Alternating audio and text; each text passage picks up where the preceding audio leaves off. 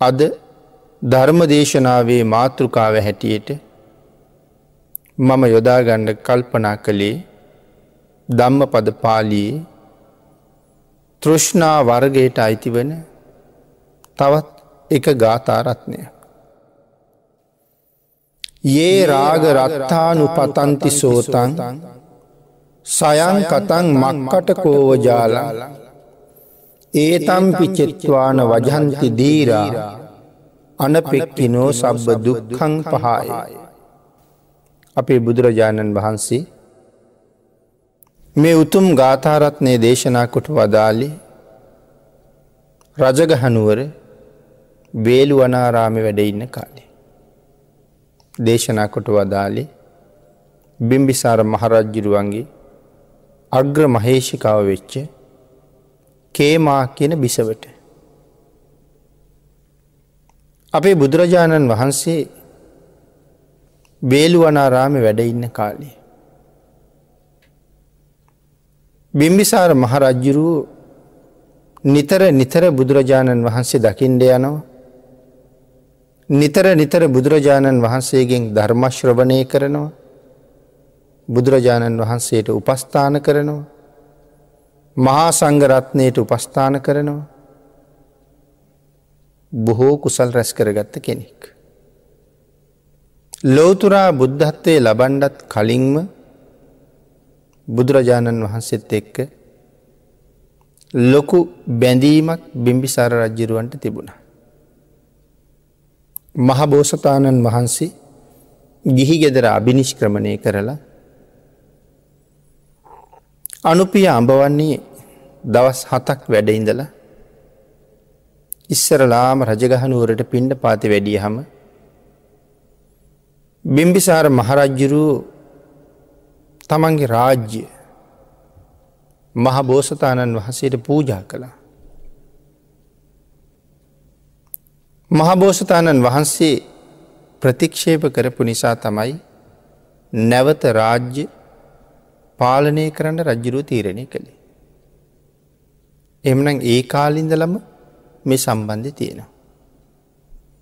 මෙවන් රාජ්‍යයක් නෙවෙයි මහරජ ලොවතුරා බුද්ධරාජ්‍ය හොයාගෙන යන්නේ කියල සඳහන් කරහම ආරාධනාවක් කළා ස්වාමීණි භාගිතුන් වහන්සේ ඒ උතුම් බුද්ධරාජ්‍ය ඔබහන්සේ යම් දවසක ලබාගත්ත හම ඉස්සරලාම මගේ රාජ්‍යයට වඩින්න කියලා. රජ්ජිරුවන්ගේ ඉල්ලීමත් බුදුරජාණන් වහස පිළිගත්තා. ඉතින් ඒවාගේ ලොකු සම්බන්ධයක් තිබුණ. බිම්බිසාර මහරජ්ජිරු බුදුරජාණන් වහන්සේගෙන් ධර්මශ්‍රවණය කරලා සෝවාන් වෙලා හිටිය. ඇබ රජ්ජුරුව සෝවාන් වෙලා. ඒ වුනාට කේමා බිසව බුදුරජාණන් වහසේ දකිින්ඩවත් යන්නේ නෑ. හේතුව තමයි කේමට දැනගණ්ඩ ලැබිල තිබුණා බුදුරජාණන් වහන්සේ රූපයේ දොස් දක්වනව කියලා. කේම කියන්න ඉතාම ලස්සන රූපයක් තිබ්බ කෙනෙ. බුදුරජාණන් වහන්සේ රූපයට නිග්‍රහ කරනවා කියලා අහල තිබුණ නිසා තමන්ටත් නිග්‍රහ කරයි කියන සැකේ මත තමයි යන්න ඇතුව හිටිය. නවත් භාගිතුන් වහසේ කාගවත් රූපයට නිග්‍රහ කළේ නෑ කවදාවත්.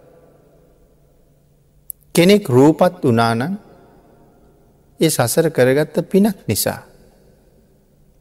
සසර කරපු පින් විපාක දීල තියෙනකොට භාගිතුන් වහස කවදාවත් ඒ දේවල්ලට නිග්‍රහ කරල නෑ. බුදුරජාණන් වහසේ දේශනා කරලා තියෙන්නේ. මේ තරං ලස්සන රූපයක් ලැබුණ කියලා ඒකෙන් අහංකාර වෙන්ඩිපා කියලා. තමන්ගේ රූපය බොහොම ලස්සනයි කියලා ඒකට ඇලෙන්ඩ එපා කියලා.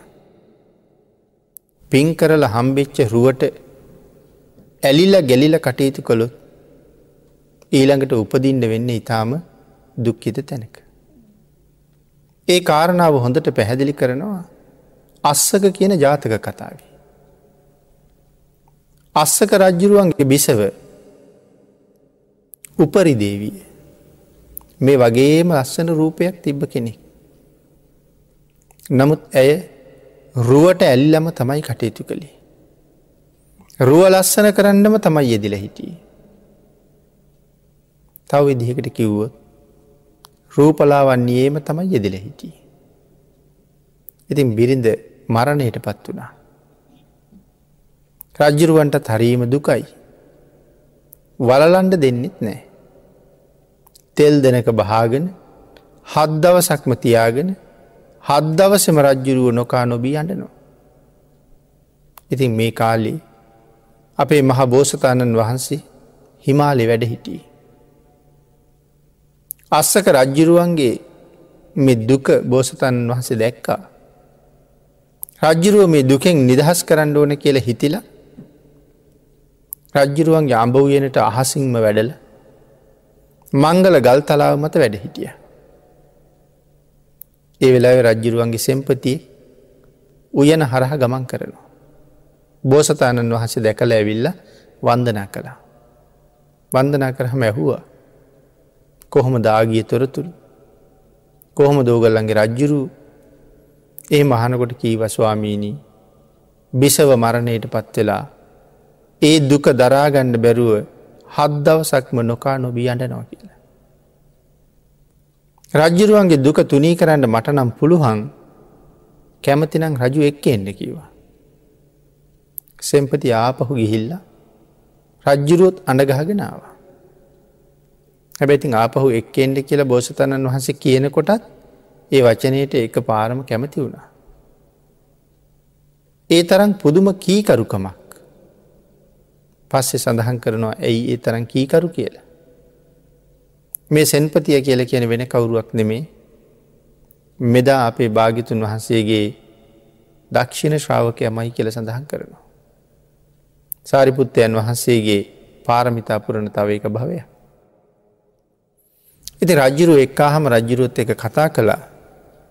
උපරි දේවිය ඉපදිලා ඉන්න තැනත් මේ මහරිෂිවරය රජ්ජුරුවන්ට කියල දුන්න.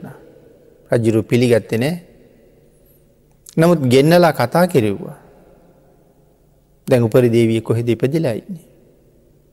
ගොම ගොඩක කුරුමිනික් වෙලා. රජ්ජුරුව තාම මාලිගාවේ කයතියාගෙන අඩනෝ. ඇයි කුරුමිනියෙක් වෙලා ගොම ගොඩක ඉපදිලා විවාහත් වෙලා. කුරුමිනි ස්වාමියකුත් ඉන්නවා. බෝසතණන් වහන්සේ රජ්ජරුවන්ගේ දුක නැති කරවන්ඩ කතා කර ලැහූ හම සඳහන් කලා ඉස්සරනං අස්සක රජ්ජිරුවන්ගේ බිසව තමයි. එදා අස්සක රජ්ජිරුවන්ට කොච්චර ලෙංගතුද කිය ලෙහවා. කොච්චරද කියල කිය හම දැනුත් එහෙමද කියලෙහවා. නමුත් අර කුරුමිනි දේනුව කියනවා දැන් මට ස්වාමියකින්නවා. අස්සක රජ්ජිරුවන්ගේ ලේ අරගෙන මගේ කුරුමිනි ස්වාමියගේ පාද සෝදන්නත් මට දැම් පුළුවන් කියලා. රුවට බැඳිල්ල ඉඳලා ඇය ගිහිල්ල ඉපදුන තැන. මගමානුවක තුමාගේ බාලම බිරිඳ සුජාතා. රුවට බැඳුන නිසා ප්‍රමාදී වෙලා ගිහිල්ල ඉපදින කඳුර ඇලියක කෙකින්නක් වෙලා. ආං ඒකයි භාගිතුන් වහසම රූපයේ දොස් දක්වනවා කියල කියන්නේ. ලස්සන රූපයක් ලැබුණ කියලා ඒ ලස්සන රූපයේ ඇලිලා ප්‍රමාදී පුද්ගලයෙක් බවට පත්වෙන්න එපා. අපි ජීවත්වෙන කාලෙත් බොහොම ලස්සන රූප තියෙන ඉන්නවා. හැබැයි ඒ ලස්සන රූපය හම්බුනේ බුදුරජාණන් වහන්සේ නිසයි කියලේ ගොලු දන්නේ නෑ. බුදුරජාණන් වහන්සේ දේශනා කරපු ධර්මයට අනුව කටයුතු කරලයි කියලා දන්නේ නෑ. ලස්සන රුවක් තියෙනවා. නමුත් මෙදා භාගිතුන් වහසට වැඳපු දවසක්වත් තියෙනවද කිය ලැහුවොත් සමහර වෙලාවට දන්නේ නැති තර. බනක් අහපු දවසක් තියෙනවද කිය ලැහුවොත් දන්නේ නැති තර. සීලයක් රැකපු දවසක් තියෙනවද කිය ලැහුවොත් මතක නැති තර. නමුත් මේ ඔක්කොම භාගිතුන් වහස නිසාම ලැබිච්ච දේවල්. පෙර පින් කරල ලබාපු රූපය නිසා මෙදා හරියටම සත්පුරුෂයෝයි සම්මාධිට්්‍යයයි නැතිහින්දා ලස්සන ලස්සන රූප තියෙන ස්ත්‍රීපුරුෂ කවුරුත් මේ කාලෙ සුගතියට නෙමෙයි දුගතියට යන්ට බොහෝසේ පවපුරෝනාය බව සමාජ දිහ බලහම පේනවා. භාගිතුන් වහස මේ දක්වන්නේ ඒකයි ඒ රුව නිසා ප්‍රමාදී වෙන්ඩ එපා කියලා. නමුත් ඉතින් කේමත් යන්නේ නෑ භාගිතුන් වහස රූපයට නිග්‍රහ කරනවා කියලා. පිනතින කොච්චර වටිනවද සත්පුරුෂ ස්වාමීකින්න එක. බිම්බිසාර මහරජ්ජිරුවන්ට ලොකූ වුවමනාවක් තියෙනවා තමන් සසර ගැන දැක්ක තමන් සසර යම් ප්‍රමාණයක් අවබෝධ කළ තමන් සසර භයානක බව තේරුම් ගත්තා. ඒ සසරින් මිදෙන්ට මූලික පියවරත් තිබ්බා. නමුත් මගේ බිසවත් එතෙන්ට ගෙනියන්ට ඇත්තන් කොච්චර හොඳයිද. ඇය කීවට කීවට එන්නේ නෑ රජරූපායක් පාවිච්චි කළා. බොහොම හොඳට පරිසරය වර්ණනා කරන්න පුළුවන් අය හොයලා වේළුවනා රාමය පිළිබඳව වැනුමක් නිර්මාණය කරන්න කියලා කිව ගීතයක් හදන්න කිවා. හොඳට ගීත ගයන්ඩ පුළුවන් අයි කැඳවලා වේළුවනාරාමි ගුණ ගීතයෙන් ගායනා කෙරෙව්වා. හොඳට නටන්ඩ පුළුවන් අය හොයලා ඒ ගීතයට නර්තනත් ඉදිරිපත් කළා. නගරේ තැන්තැන්වල වේළුවන්න උයන පිළිබඳව වර්ණනා සහිත ගීත ගායනා වෙනවා. කේමයික දවසක් තමන්ගේ පිරිසගෙන් ඇහුවා. ඔය මොන උයන ගැනද ඔච්චර වර්ණනා කරන්න කියලා. සේවිකව් සඳහන් කළා මහදේවිය ඒ ඔබේම වේළුවනේ ගැනයි කියලා. කේමාදේවිය වේළුවනයට කවදාවත් ගියපු නැති කෙනෙක් නෙමෙයි. ඇති තරන් මේ උයන ඇවිදලා තියෙන කෙනෙක්. නමුත් දැන් රජ්ජුරු ඒක භාගිතුන් වහසට පූජා කල් ආරාමිකුත් හදලයි තියෙන්. එදා මගේ වේළුවනේ අද මෙච්චර ලස්සනද. කේමට හිතුන බලන්ඩයන්ට. කේම පිරිසත් එක වේළුවනයට ගිය භාගිතුන් වහස සිව්වනක් පිරිසට ධර්ම දේශනා කරනවා. කේම එන බවත් බුදුරජාණන් වහස දන්නවා. භාගිතුන් වහන්සේ කේමට විතරක් පේන්ඩ ඉතාම ලස්සන දාසේ හැවිරිදි වයිසේ තරුණ රුවක් භාගිතුන් වහස ළඟ මවල භාගිතුන් වහසට පවන් සලන ස්වභාවයක් කේමට පේන්ඩ සැලැස්වා. එක වෙන කවුරුවත් දකින්නේ. හැබැයි කේම විහාර භූමියයට ඇතුල් වෙනකොටම දැක්ක. කේම එතනම නතර වුණා. කේමට තමන් ගැන ලැජ්ජ හිතුණ. මම ලස්සනයි කියල මම හිතාගෙන හිටියේ. නමුත් අර පවන් සලන තරුණිය මට වඩා මොන්න තරන් ලස්සනද. භාගිතුන් වහස රූපයේ දොස් දක්වනව කියල මම හිතුවී. එහෙමනම් මේ තරං ලස්සන කෙනෙක් කොහොඳ භාගිතුන් හස ළඟ ඉන්නේ. කේම කල්පනා කරනවා ඇගේ රුව දිහා බලහම මගේ රුව සොලොස් කලාවෙන් එක කලාවක්වත් වටින්නේ කියලා. අපි පිනිතුන් දැන් සොලොස් කලාව හොඳටම අහල දන්නවා මගේ හිතේ. බෝම කෙටියෙන් සෙහිපත් කළොත් දේශනා කීපයක පැහැදිලි කළා.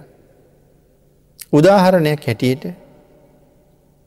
අපි ඇපල් ගෙඩියක් කරගත්තුත් ගත්ත උදාහරණය මේකමයි. ඒ අපල් ගෙඩිය අපි දාසයකට කපනවා. කපල කෑලි පහළවක් අයින් කරලා එක කෑල්ලක් කරගෙන ඒක ආයෙත් දාසයකට කපනවා. ආයෙත් කෑලි පහළවක් අයින් කළ එක කෑල්ලක් නැවත දාසයට කපනවා. මෙහෙම මෙහෙම අයිංකර කර අයිංකර කර මේ එළඹෙන එක කෑල්ල පහළ දාසය වෙනි කෑල්ල අරගෙන මේ විදිහට දාසය දාසයෙන් දාසය වතාවක් බෙදෙන. ආං එතකොට එනවද යම් ප්‍රමාණයක් ඒක පින්නතින ඇහැට දාන්න පුළුවන් තරන් ඉතාම සිවුම් කොටස. ආං ඒකටයි සොලොස් කලාවෙන් එක කලාව කිය.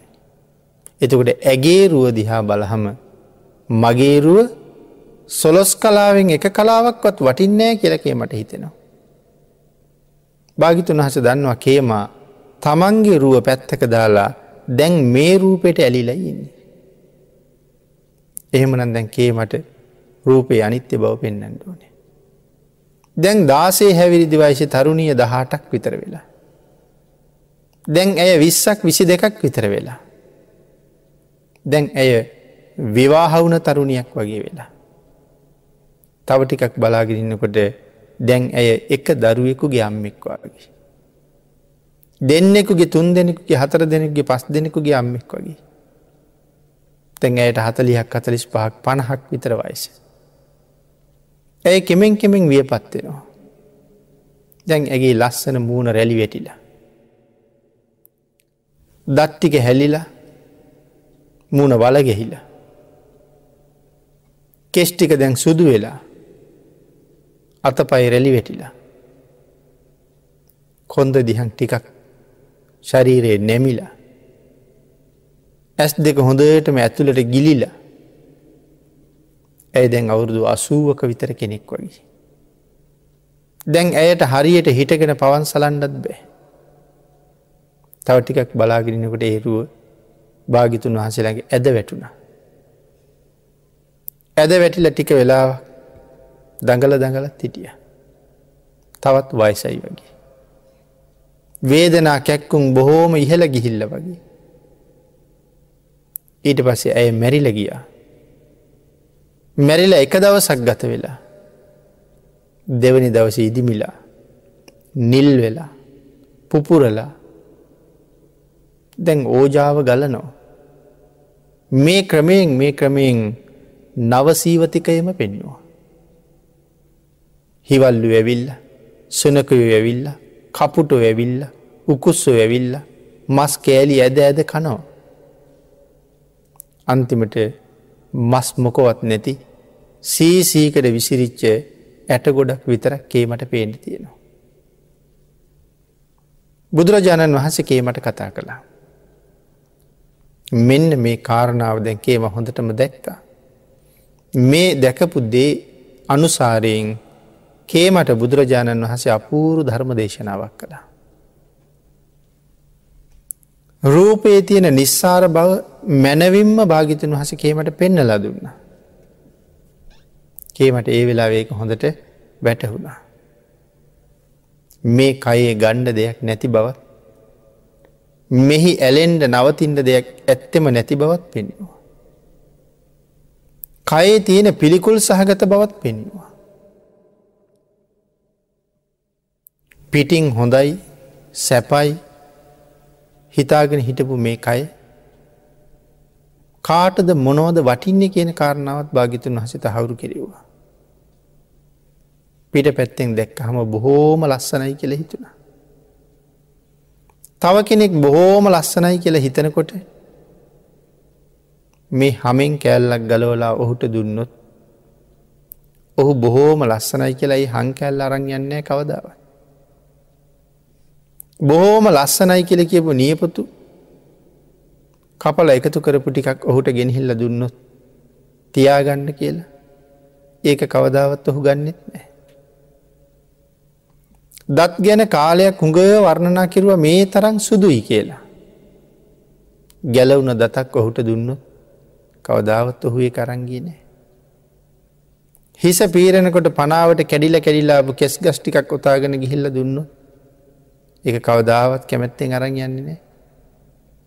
ඒ විදිහට ඒ විදිහට ලේදුන්නත් සෙමදුන්නත් මලදුන්නත් මුත්‍රාදුන්නත් මේ මොනව දුන්නත් කැමැත්තෙන් ගන්න දෙයක් මේකයි මේකයි නෑ. නමුත් මේ හමෙන් වහලා තියෙනකොට මේ මිනිස්සු මේකට කොච්චර කැමැතිද. භාගිතුන් වහස දේශනා කරනවා මේ ශරීරයේ එක කොටස ඇතුළි තියෙන අපද්‍රවී. ඒ ගැනත් විස්තර කරලා එක කොටසක් උඩින් එනවා. තව කොටසක් යටින් යනවා. උග්ගරන්තම් පක්ගරන්තම්. කොටසක් උඩින් එනවා කොටසක් යටින් යන. එන කංගොලින් උතුරනෝ ඇස්වලින් ගලනෝ නාස්වලින් වැැක්කෙරෙනවා කටින් පිට වෙනවා ශරීරයේ අපිරිසිදු දේවල්. දිවාරෑ දෙකේම ගලනවා.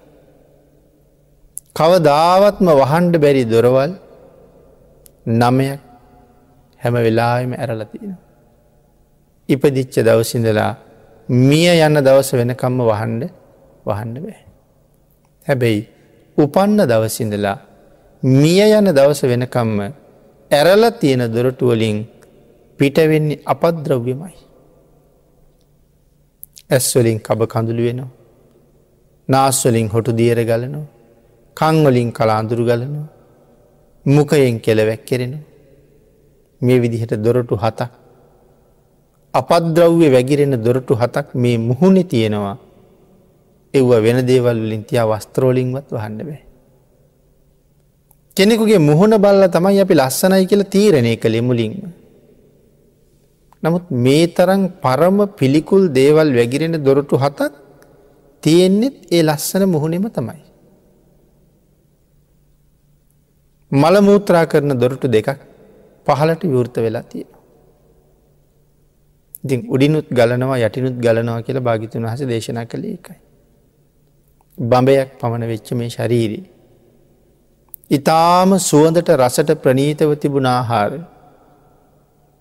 මුකහෙන් ඇතුල් කරලා අඩි තුනක් තුන හමාරක් හතර වාගේ දුර මේ අයේ පහලට ගමන් කරලා පිට වෙලා යනකොට පරම පිළිකුල් පරමදුර ගන්ධයි. නමුත් කෑම මේසට අපි කොයි තරන් කැමතිද. නමුත් අඩිතුන හතරක් මේ කය හරහා ගමන් කරහම අයාපහු හැරිලා බලන්ඩවත් හිතෙන් නැති තරමටම පරම පිළිකුල් තත්වයට පත්වෙලා. එනම් මේ අභ්‍යන්තරයේ කොහොම ඇද්ද. මෙන්න මේවාගේ කරුණු භාගිතුන් වහස කේමට මනාව පැහැදිලි කළා. ශරීරයාගේ තියෙන නිස්සාර බව කේමට හොඳටම ඒත්තු ගැන්නවා. කේමටත් දැකපුරුවේ ස්වභාවයක්ත් එක්ක. තමන්ටත් වෙන්න මේ දේම නේද කියන කාරණාවත් එක්ක හොඳටම කරුණු ටික වැටහෙන්ට පටන් ගත්ත. භාගිතුන් වහන්සේ අපි මුලින් මාතෘකා කරගත්ත ගාථාරත්නය දේශනා කළා. මෙතන ගාථා දෙකක් භාගිතුන් වහස දේශනා කරන. එයින් මුල් ගාථාරත්නය අට්ටකතාව සඳහන් වෙනවා. පළවෙනි ගාථාව හපු හම කියම සෝවාන් වෙනවා. දෙවනි ගාථාව හපු හම කේවා කේමාව අර්හත්වය ලබන. එන මේ ගාථාව ඒ රාග රත්තානු පතන්ති සෝතන් සයන් කතන් මක්කට කෝජාලන්. ඒතම්පි චෙත්වාන වජන්ති දීරා අන පෙක්කිනෝ සබ්බ දුක්කං පහය. භාගිතුන් හස දේශනා කරනවා කේමාවිනි. ඒ රාග රත්තානු පතන්ති සෝතන්. මේ ලෝකෙ සමහරාය රාගයෙන් රත්වෙලා.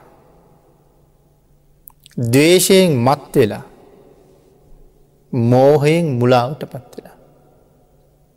කොයි වගේද සයන් කතන් මක්කට කෝවජාලන්. හරියට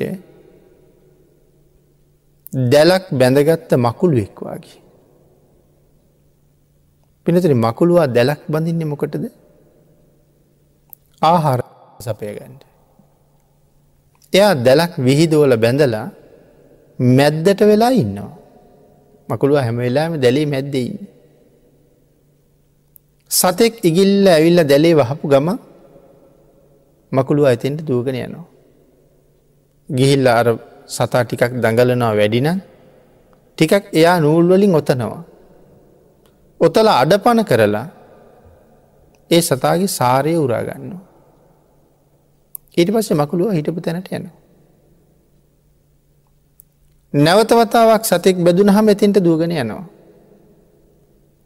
සතාගේ සාරය උරාගෙන අපහු මකුළුව හිටපු තැනට යනවා. මේක තමයි මකුළුවගේ ජීවිතය. බලන්නක මෙතන හරි සියුම් කාරණාවක්ති. මකුළුවා දැලක් දාලා තියෙනවා බාහිර සත්තු ඇවිල්ල ඒක බැඳෙනවා. දැඟතට මකුළුවා ගිහිල්ල ඒ සතාගෙන් තමන්ගේ බඩපුරුව ගන්නවා මකුළුවා හිටපු තැන්ට යනවා.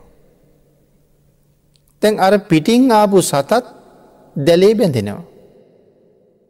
එතට මකුළුවා දැලේ බැඳින් නැද්ද. තමන් ව්‍යාගත්ත දැලේ තමන්ම බැඳිලා ඉන්නේ. ඇයි මේ මකුළුවාට කවදාවත් හිතෙනවද මේ දැල දාලා යන්ඩ ඕන කියලා.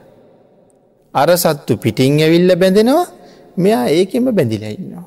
කවදාවත් දැලාත හැරල යන්ඩ හිතෙන්නේ නෑ තමන්ගේ දැලේ තමම්ම බැඳිලා. අන්න ඒවාගේ තමයි අපිත්. මේ පංච ඉන්ද්‍රයන්ගෙන් එක එක අරමුණු අරගෙන ඒ ඒ අරමුණට බැඳිලා. මේ ඉන්ද්‍රියන් ඉක්මෝල යන්ඩෝන කියල කල්පනාවක් අපිත් ඇත්තෙම නෑ. යම් තැනක ලස්සන දැක්කහම හිත බලකිරීමක්ම කරනවා නවතින්ට නවතින්ට නවතින්ට බලල යන්ඩ කියලා. ඇහෙන් දැකල අරමුණු අරගෙන හිතින් බල කරවල නවත්තගෙන ඒක බලන්න යනවා. මිහිරි හඬක් කොහෙන්හරි ඇහෙනවා වාදනය වෙනවා. කන හැම වෙලාම කරදර කරනවා යං යං යං එතෙන්ට යන් කියලා. අහවල් තැන බොහෝම රසවත් ආහාර තියෙනවා කියල හිතෙනවා. දිව කියනවා සති අන්තවත් දවසක එතෙන්ට යන් කියලා. මේ කියන්නේ එහෙම යන්ඩිපා කියන එක නෙමේ. නමුත් ඉතින් ඒ තැන්වලට බැඳිලා අපි ආපහු එතෙන්ට යනවා දිවපිනවනවා ආපහු වෙනවා. අතෙන්ට යනවා ඇහැපිනවනවා ආපහු වෙනවා. තව තැනකට යනවා කන පිනෝනවා ආපහු වෙනවා. මකුළුවාගේ ක්‍රියාවෙයි අපේ ක්‍රියාවේ වෙනසක් තියෙනවාද. අපත් ජීවිතයේ එක තැන මේ විදිහට බැඳිල පංච ඉන්ද්‍රියන් එක එක තැනම පල්වෙවී යනවා. එන මකුළුවා තමන් හදාගත්ත දැලට තමන්ම බැඳිලා. අන්න ඒවාගේ මෙ සත්වයා මනුෂ්‍යයා. තමන්ගේ තෘෂ්ණා දැලට තමන්ම බැඳිලා. තමන්ගේ නිමක් නැති තෘෂ්ණාව නැමති ගඟට තමන්ම වැටිලා ඒ පැත්තටම ගහගෙන යනවා. දැඟතට මේ ගාථාරත්ය මේ පළවෙනි පද දෙක බුදුරජාණන් වහන්සේ දේශනා කරන්නේ අපේ පැත්තෙන්. අපිට අපේ ස්වභාවය පැහැදිලි කරන්න. එමනම් කේමට පැහැදිලි කරන්නේ මේ කයෙත් ගණ්ඩ දෙයක් නෑ කියලා. සුභ වූ සාර වූ දෙයක් මෙහෙ නෑ කියලා. අනිත්‍ය වූ දෙයක් තියෙන්නේ. නිස්සාර වූ දෙයක් තියෙන්නේ. පිළිකුල් සහගත වූ දෙයක් තියෙන්නේ. ඒ වැළඳ ගත යුතු දෙයක් නෙවෙයි ඒ බැහැර කළ යුතු දෙයක් තියෙන්නේ. නමුත් භාගිතුන් වහන් සඳහන් කරනවා මේ ලෝකෙ ඉන්න අඥ්ඥාන පුද්ගලය. මේ කය වෙනුවෙන් කොයි තරන්නන් ගැටෙනවද. ඒක සමාජ දිහා බලහම අපිට ඕන තරන් පේනවා. භාගිතුන් වහසගේ දේශනාවට අනුව ඔබේ මගේ අපි හැමෝගෙම මේ කය පරම පිළිකුල් කුණු ගොඩ. නොයෙක් අපද්‍රව්‍යයන් සමූහයකගේ එකතුවක් තියෙන අසූචි ගොඩකට වඩා පිළිකුල්. අසූචිනං එක දෙයයිනි අසුචිකීවි. නමුත් මේකයි එක දෙයක් නෙමෙයිනේ. සෙම තියෙනවා සොටු තියෙනවා මල්ල තියෙනවා මුත්‍රා තියෙනවා. තවත් නොයෙක් අපද්‍රව්‍ය පිරිලා. එනම් අසුචි ගොඩකට වඩා පරම පිළිකුල්. ඇවිදගෙන යන හැම තැනම භාගිතුන් වහන්සගේ දේශනාවත් එක් අපි ඇවිදින වැසි කෙලි වගේ. මලත් මුත්‍රත් ඔසවගෙනම තමයි යන්නේ. වාඩියු නෙත් එහෙමයි සැතපු නෙත් එහෙමයි නාල පිරිසිදුනත් එහෙමයි යන යන තැන වැසිකිලියක් කැසිකිලියක් වගේ මේ අපද්‍රව්‍ය ඔක්කොම අරගෙන අරගෙන යනවා. නමුත් අඥ්ඥාන ජනයා මෙන්න මේ අපිරිසිදු වූ කුණු ගොඩ බෙදා ගැනීම සඳහා ඇනගන්නවා කොටාගන්නවා මරාගන්නවා කපාගන්නවා. මගේ මගේ කියන මමත්වයෙන් පරම පිළිකුල් කුණු ගොඩකට ඇලිල කියන කාරණාව විශේෂයෙන් පැහැදිලි කරනවා. මේ කරුණු දක්වලා දෙවනි පද දෙක දේශනා කරන්නේ මාර්ග ප්‍රඥාව උපදවල සංසාරයෙන් එතරට යන හැටි ගැන කියන්ට. ඒ තම්පි චෙත්වාන වජන්ති දීරා අඥ්ඥානය තමයි මේකට බැඳිලා ඉන්නේ. නමුත් දීරා කියල සඳහන් කළේ පණ්ඩිතයට. ඒ තම්පි චෙත්වාන වජහන්ති දීරා. පණ්ඩිතයා මෙන්න මේ තෘෂ්ණා දැල කපලදානවා.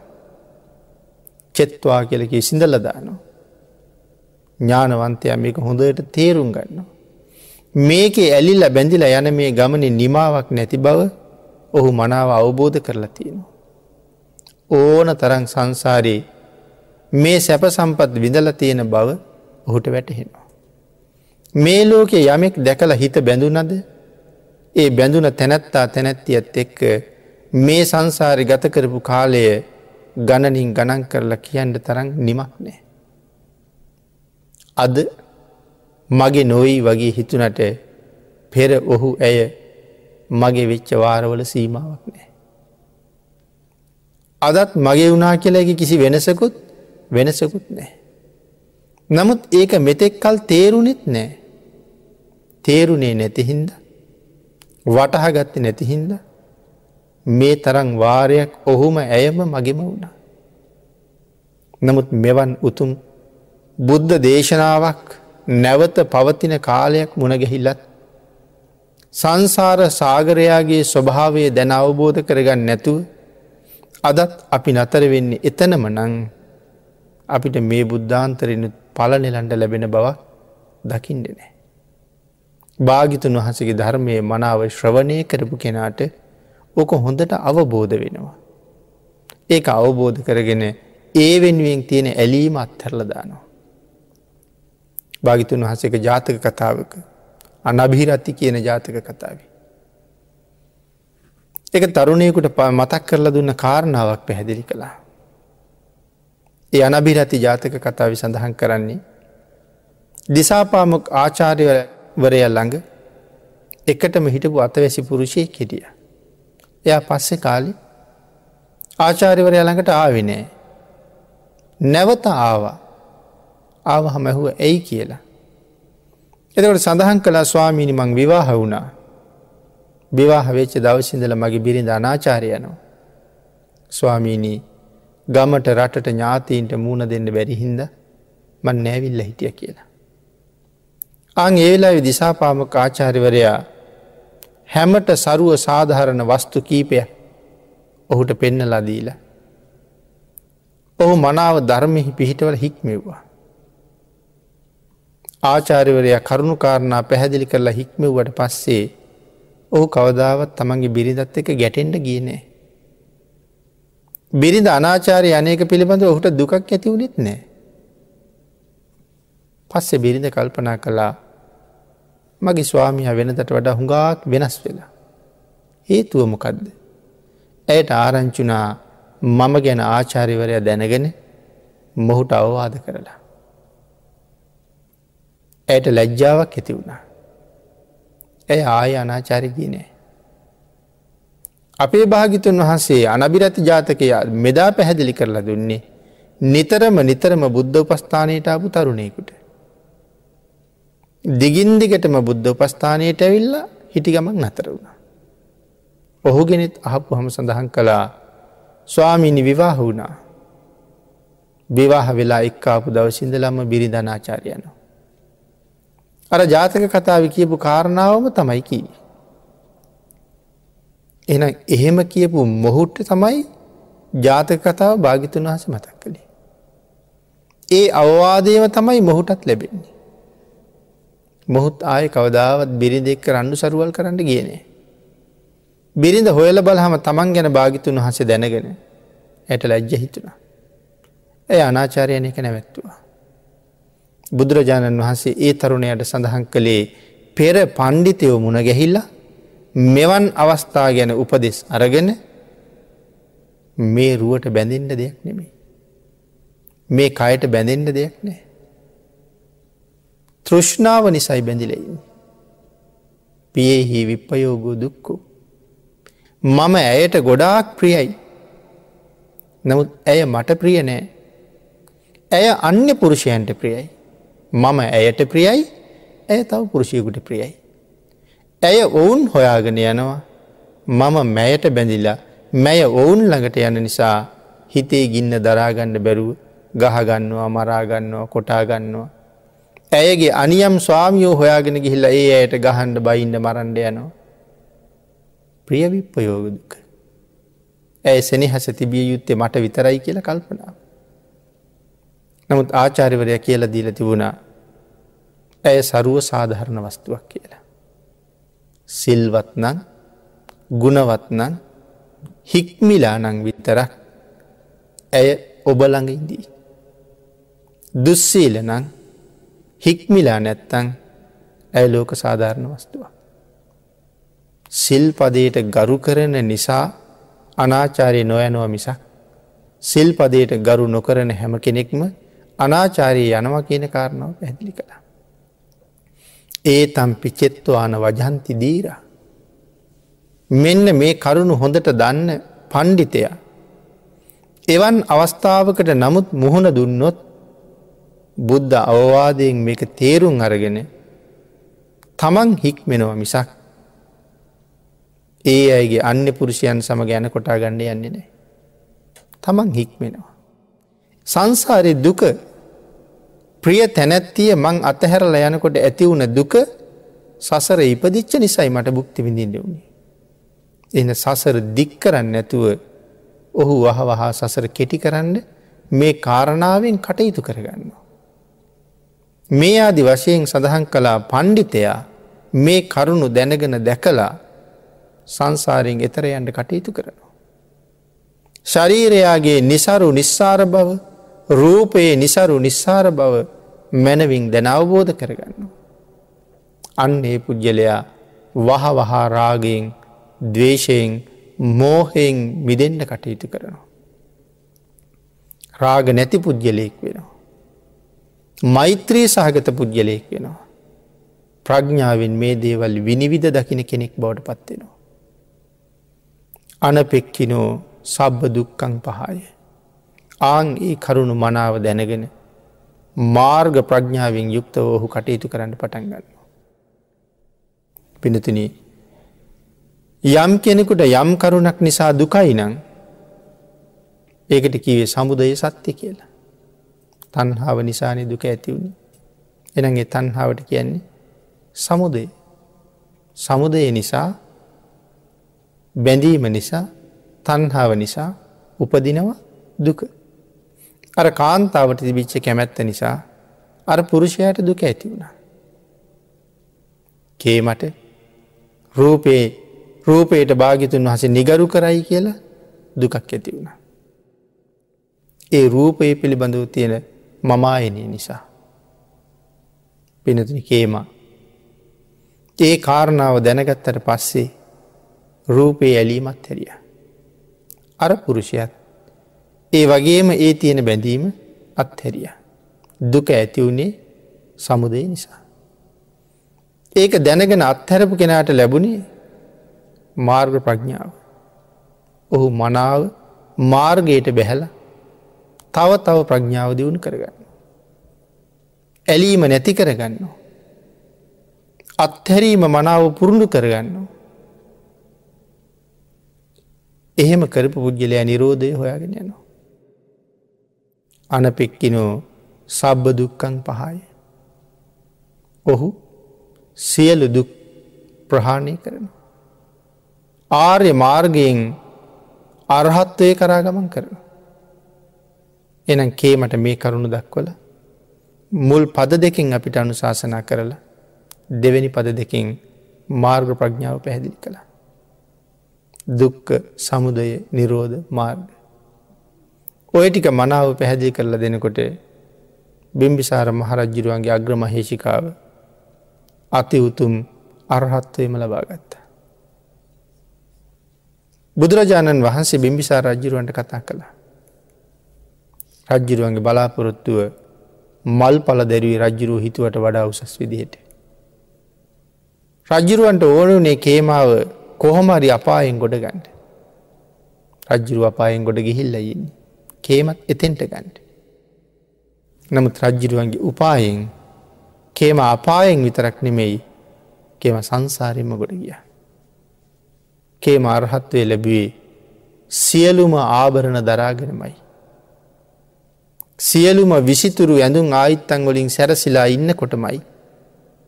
බුදුරජාණන් වහන් සඳහන් කලා මහරජය කේම අද පිරිනිමම් පානවද ඒම නැත්තන් කේම පැවිදි වෙනවද කියලා.